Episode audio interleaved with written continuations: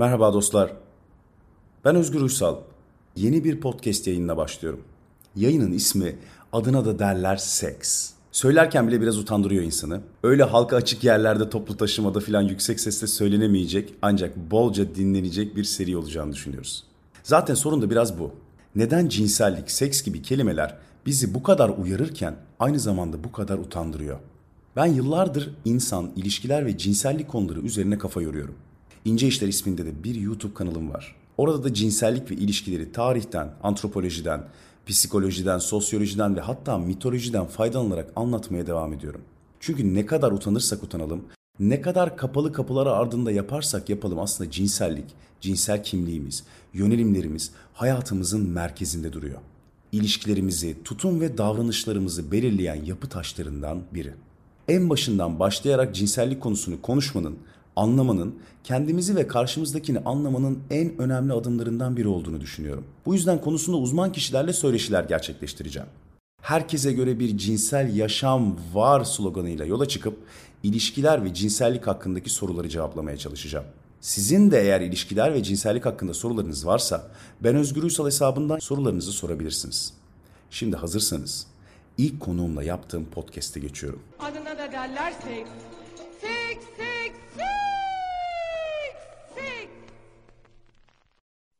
Evet arkadaşlar adına da derler seks programında bu hafta cinsel kimlik ve cinsel yönelim konuşacağız. Çünkü herkese göre bir cinsel yaşam var diye yola çıktığımız bu podcastlerde tabii ki kendi kendimize kendimiz çalıp oynamıyoruz. Uzman psikolog Canset Tütüncüoğlu bizlerle birlikte kendisi hem aile danışmanı hem cinsel terapist hem ilişki terapisti yani çiftseniz ve cinsellikle ilgili bir sorununuz varsa ya da cinsellikle ilgili sormak istediğiniz herhangi bir şey varsa uzman olarak ona gidebiliyorsunuz. Nasılsın Canset? Çok iyiyim, teşekkür ederim. Sen nasılsın? İyiyim ben de. Çok teşekkür ederim. Çok fazla soru vardı benim kafamda. Sana da zaten e, ufak bir soru bombardımanında bulunacağım. Umarım bir bölümde bunları toparlayabiliriz ama toparlayamasak da İnşallah. bunu e, dinleyenlerimiz iki bölüm, üç bölüm artık Canset'in bize ne kadar detaylı açıklayacağına göre ona göre dinleyeceklerdir. Şimdi seninle bugün cinsel kimlik ve cinsel yönelim konuşacağız. E, ama e, ben istersen e, senden dinleyelim. Şöyle bir ayrım var çünkü cinsel kimlik ve cinsel yönelim ayrı şeyler. E, ve biz hani bunu daha yeni öğrenmeye başlıyoruz aslında Türkiye olarak. E, bize Evet. biraz anlatır mısın? Cinsel yönelim nedir? Cinsel kimlik nedir?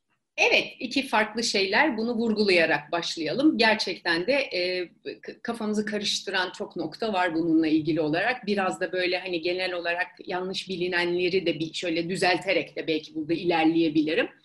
E, önce cinsel kimlikten başlayayım ben. Cinsel kimlik, e, kimlik mesela nasıl ki ben kimim sorusuna verilen cevaptır. Cinsel kimlik de aslında cinsel anlamda ben kimim, kendimi nasıl tanımlıyorumla alakalı. Şimdi cinsel kimlik e, iki tane bileşenden oluşur desem çok yanlış olmaz. Bir tarafımda biyolojik kimliğim var. Yani doğduğum zaman doğumumda bana atanan bir biyolojik kimliğim var. Ne- Nasıl atanıyor bu? Genitallerime bakılıyor veya kromozomlarımın e, belirlediği bir cinsiyetim var. E, ancak e, sadece cinsel kimliğin tek yordayıcısı bu değil. Bir de ruhsal kimlik dediğimiz bir başka boyut var. Ne o? Ee, önce böyle bir buçuk iki yaş civarında falan yavaş yavaş çekirdek cinsel kimliğim oluşuyor. Şey yapıyorum, tanımlıyorum kendimi yani ben bir kız çocuğuyum ya da ben bir erkek çocuğuyum diyorum. Cinsiyetimi tanıyorum, karşı cinsi biliyorum, benimle aynı cinsten olanları anlamaya başlıyorum. Ee, böyle bir ilk başlarda bu cinsiyet kavramı biraz şeydir, e, değişkendir. Mesela işte ben bir kız çocuk olarak işte yüzüme tıraş köpüğü sürüp de e, tıraş oluyor gibi yapıyorsam eğer bak ben erkek oldum diyebiliyorum. Veya bir erkek çocuğu işte ben etek giydim kız oldum böyle değişken olduğunu düşünüyor. 4-5 yaşından sonra da artık bunun sabit olduğu bir yavaş yavaş yerleşmeye başlıyor. Ee, bununla beraber bir de cinsiyet rolleri var aslında cinsiyet rolleri dediğim zaman da toplumun o cinsiyetten beklediği roller, tavırlar, davranışlar. Şimdi bu e, biraz daha tabii yavaş yavaş gelişen bir şey. Annemle babamla başlıyor. Yakın aile, çevre, toplum, kültür böyle şey e, katman halinde e, ilerliyor. Şimdi cinsel kimlikte beklenen diyeyim burada e, benim biyolojik cinsiyetimle ruhsal cinsiyetimin birbiriyle örtüşüyor olması.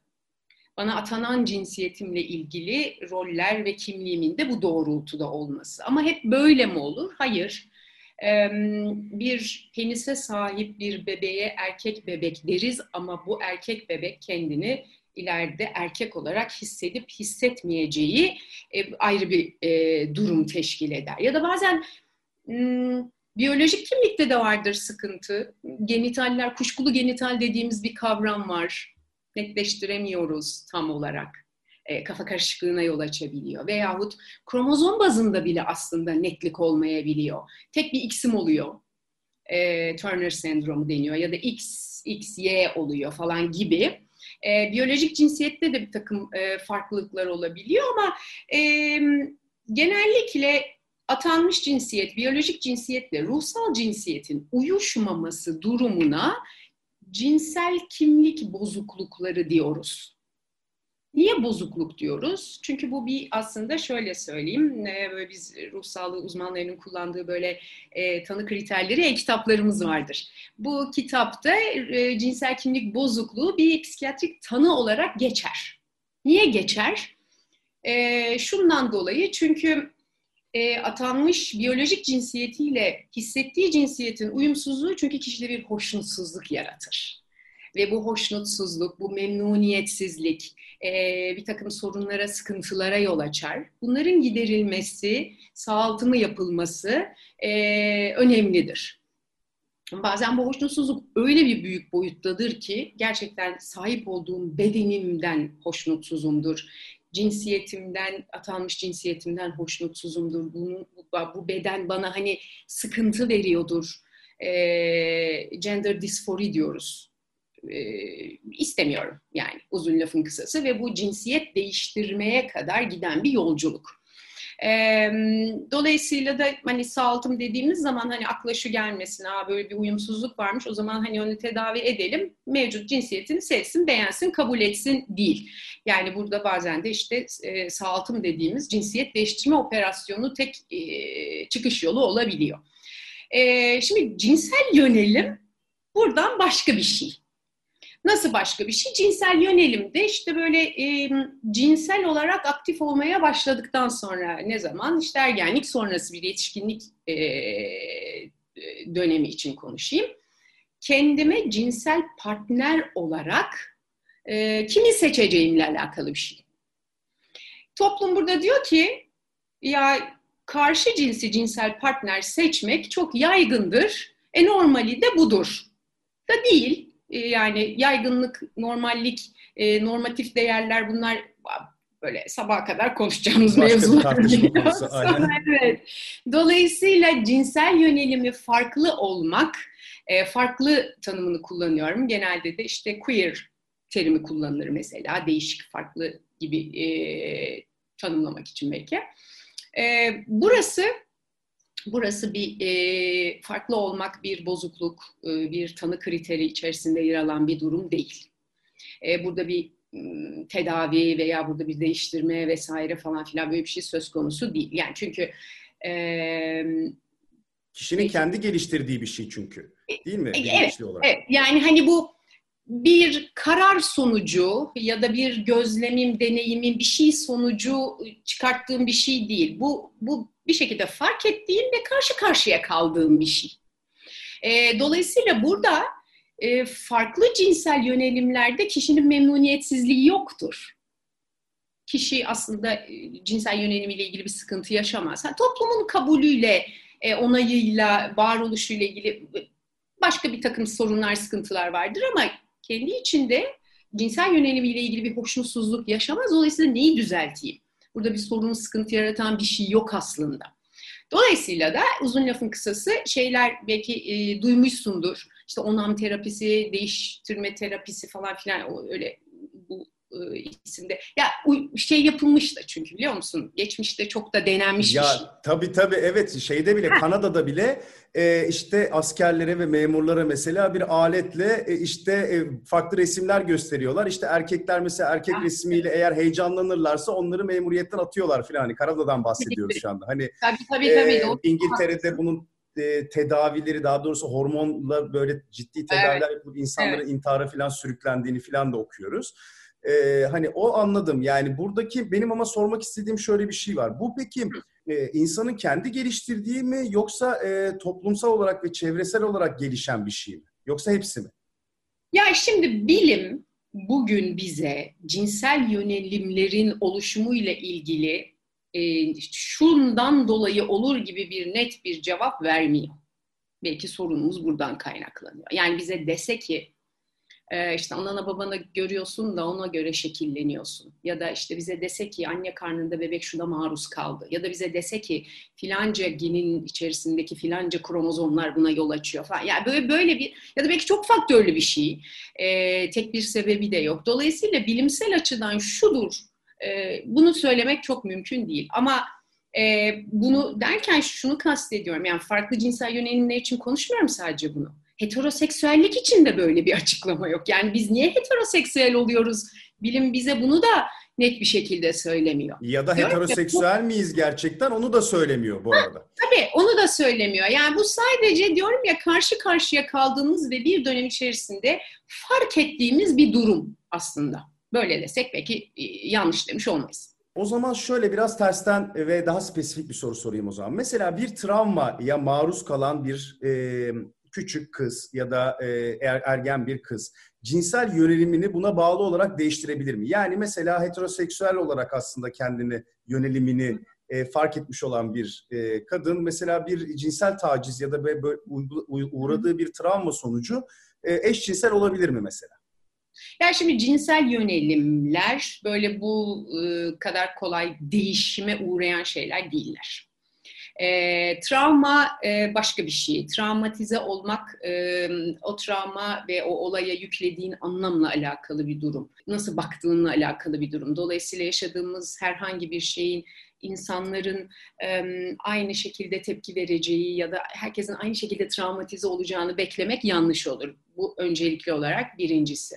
E, nedir işte tecavüze uğramıştır. E, tecavüze uğradığı için e, kendini suçluyordur içsel atıf yapıyordur. Şunu diyordur mesela işte ben ne bileyim çok gösterişli. Değersizim. Işte, ha, ya da çok baştan çıkarıcı mıydım, çok mu göze battım e, vesaire gibi. Abi, onun için ne yapar işte belki biraz daha az göze batmak, daha dişiliğini bastırmak, kılığı, kıyafeti, tavrında biraz böyle bir kadınsılıktan uzak durmak hani olabilir böyle bir şey. Veya tam tersi karşı tarafa yüklemiştir. Ya benimle alakalı bir şey değil. O dayanamadı, o dürtüsünü kontrol edemedi, o işte suçu der ve ya demek ki bazıları böyle bir durumda kendini kontrol edemiyormuş.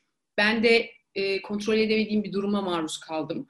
bazı durumda da mesela işte kadınlığını, dişiliğini ön plana çıkartıp anlatabiliyor muyum? Yani ha demek ki ben bazı erkekleri böyle de kontrol edebiliyormuşum. Bu da bir tavır olabilir. Şimdi herkesin tavrı bambaşka olabilir ama cinsel yönelim yani ya bu bana tecavüz etti, lanet olsun, kahrolsun erkekler da bundan sonra da erkekle işim olmaz ben artık yani bu çok iddialı.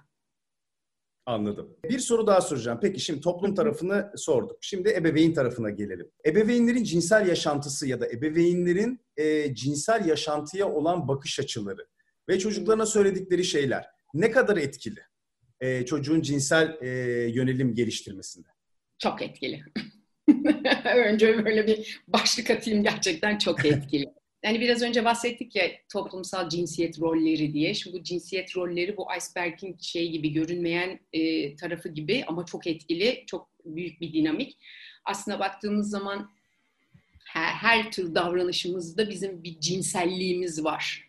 E, cinsel hayatımız hepimizin var. Hepimizin bir cinsel yanı var ve e, dolayısıyla bunun bir ifade şeklimiz var. Şimdi bunların çok büyük bir kısmını aile içerisinde öğreniyoruz. Ee, şimdi insanda cinselliğin üç boyutu var. Bak bunları bir önce bir konuşalım. Öncelikli olarak herkesin bildiği boyutu ne? Üreme. Yani soyun devamı buna bağlı.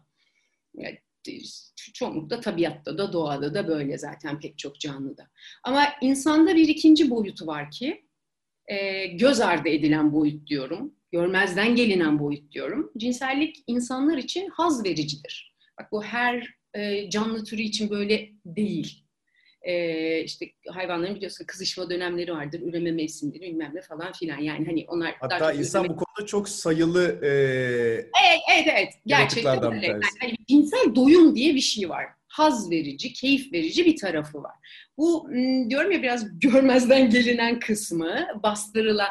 E burada şey de var şimdi onu da söyleyeyim aslında cinsiyetler arasında burada biraz bir ikiyüzlülüğümüz var. E, haz kısmını böyle biraz bir erkeğe atfedip de kadını e, cinsel haz sanki kadının işi değil de uzakmış da falan yani hayatında hiç orgazm olmamış kadınlar mı istersin?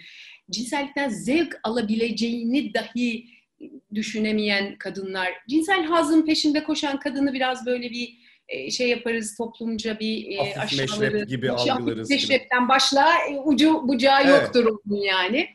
E, dolayısıyla e, haz kısmı hatta yani e, burada bak bizim kültürümüzle ilgili de bir şey konuşmuyorum aslında daha geniş. Hani Afrika'da klitoris sünneti diye bir şey var Özgür mesela. Yani Evet. haz almasın diye kadının klitorisini sünnet etmek. Yani iş bu buralara kadar da gidebiliyor. Bu biraz az e, önemsenen kısmı diyeyim. Ama bir de en önemli üçüncü boyutu işte bu cinsiyet rolleri. Bu da işte evde gelişiyor. Aldığım cinsel eğitimle gelişiyor. Şimdi sen bana diyebilirsin ki ya bizde cinsel eğitim mi var ki? Yani hep konuşuruz ya. Yok ya bizde cinsel eğitim yok. Acayip cinsel eğitim var bizde. Var ama açık ve formal değil. Hep böyle işte şey alt yazılarla, mesajlarla, komşunun ustadan çırağa, amcasının evet. kızının üzerinden falan. Yani anlatabiliyor muyum? İmalar. mahallenin abileriyle işte şeydeki Evet, teyzemizle, evet. ablamızla, halamızla filan. Kesinlikle öyle. Aa filancanın kızının sevgilisi varmış şimdi. Annem bana öyle bir ifadeyle söylüyor ki e, sıkıyorsa sevgili yap diyor aslında o sana mesela. E, gibi gibi aslında bir sürü e, cinsiyetimize dair. Mesela e, sen hani bir erkek olarak söyle bakayım hiç e, ömrü hayatında mutlaka duymuşsundur. Aa erkek adam ağlar mı? Aa erkek adam korkar mı? Niye duygu Tabii değil mi canım bu? adam gibi dur, erkek gibi dur. Ee, işte evet, şey, az, azıcık erkek ol filan hani öyle bir tabii yani iki tarafında böyle çok aslında ağır sırt çantasında çok ağır yükler olan rolleri var. Doğru. E şimdi bu roller benim partner ilişkimdeki bütün tavrımı belirliyor. Yani burada çok e, önemli bir etken aile. Dolayısıyla aileden aldığım cinsel eğitim hakikaten çok çok çok önemli. Bugün mesela artık işte seks pozitif ebeveynlik diye bir kavram var bilmem duydun mu? Yani Bahseder e, misin biraz? bahsedeyim yani şöyle. e, şimdi cinselliği böyle ayıp, günah, yasak, çirkin, kötü, kirli vesaire gibi yani ya da aşağılayarak, e, ezerek, e, bir şekilde böyle hani korkutarak veya olumsuz atıflarla değil de daha e, konuşarak, açıklayarak belli bir e, anlayış çerçevesi içinde yani burada hani e, cinsel değerlerimiz, cinsellikle ilgili hepimizin bir değeri var. Aile olarak sınırlarımız hepimizin olabilir. Bunu aktarmanın e, daha pozitif e, bir şekli diye e, ifade edebilirim aslında. Yani çocuğumun e, benimle ortak paralellikte bir e, değer yargılarına sahip olmasını istemek bir ebeveyn olarak okey bir şey. Bunda bir sorun yok. Ama bu değerlerin aktarılırken e, diyorum ya böyle negatif bir e, algıyla verildiği zaman benim cinsellikle ilgili algılarım da negatif oluyor ve bu benim e, cinsiyet rollerimde de kendimi cinsel olarak ifade edişimde de cinsel kimliğimde de ve tüm cinsel aktivitelerimde de e, ya aslına bakarsan hayatımın her tarafında etkili tabii yani hani bakma böyle cinsellik cinsellik diye konuşuyoruz ama yani her şeyin altında yatıyor bir taraftan da. Evet dostlar, Canset Tütüncüoğlu konuğumuzdu. Cinsel yönelimleri ve kimlikleri konuştuk. Adına da derler Seks Podcast yayınımızın sonuna geldik. Bir sonraki bölümde çocuklarda cinsel gelişimi konuşarak devam edeceğiz. Ben Özgür Uysal. Cinsellik ve ilişkiler hakkında sorularınız varsa çekinmeyin ve sorun. Kendinize iyi bakın. Sevgiler. Adına da derler seks. Seks, seks, seks.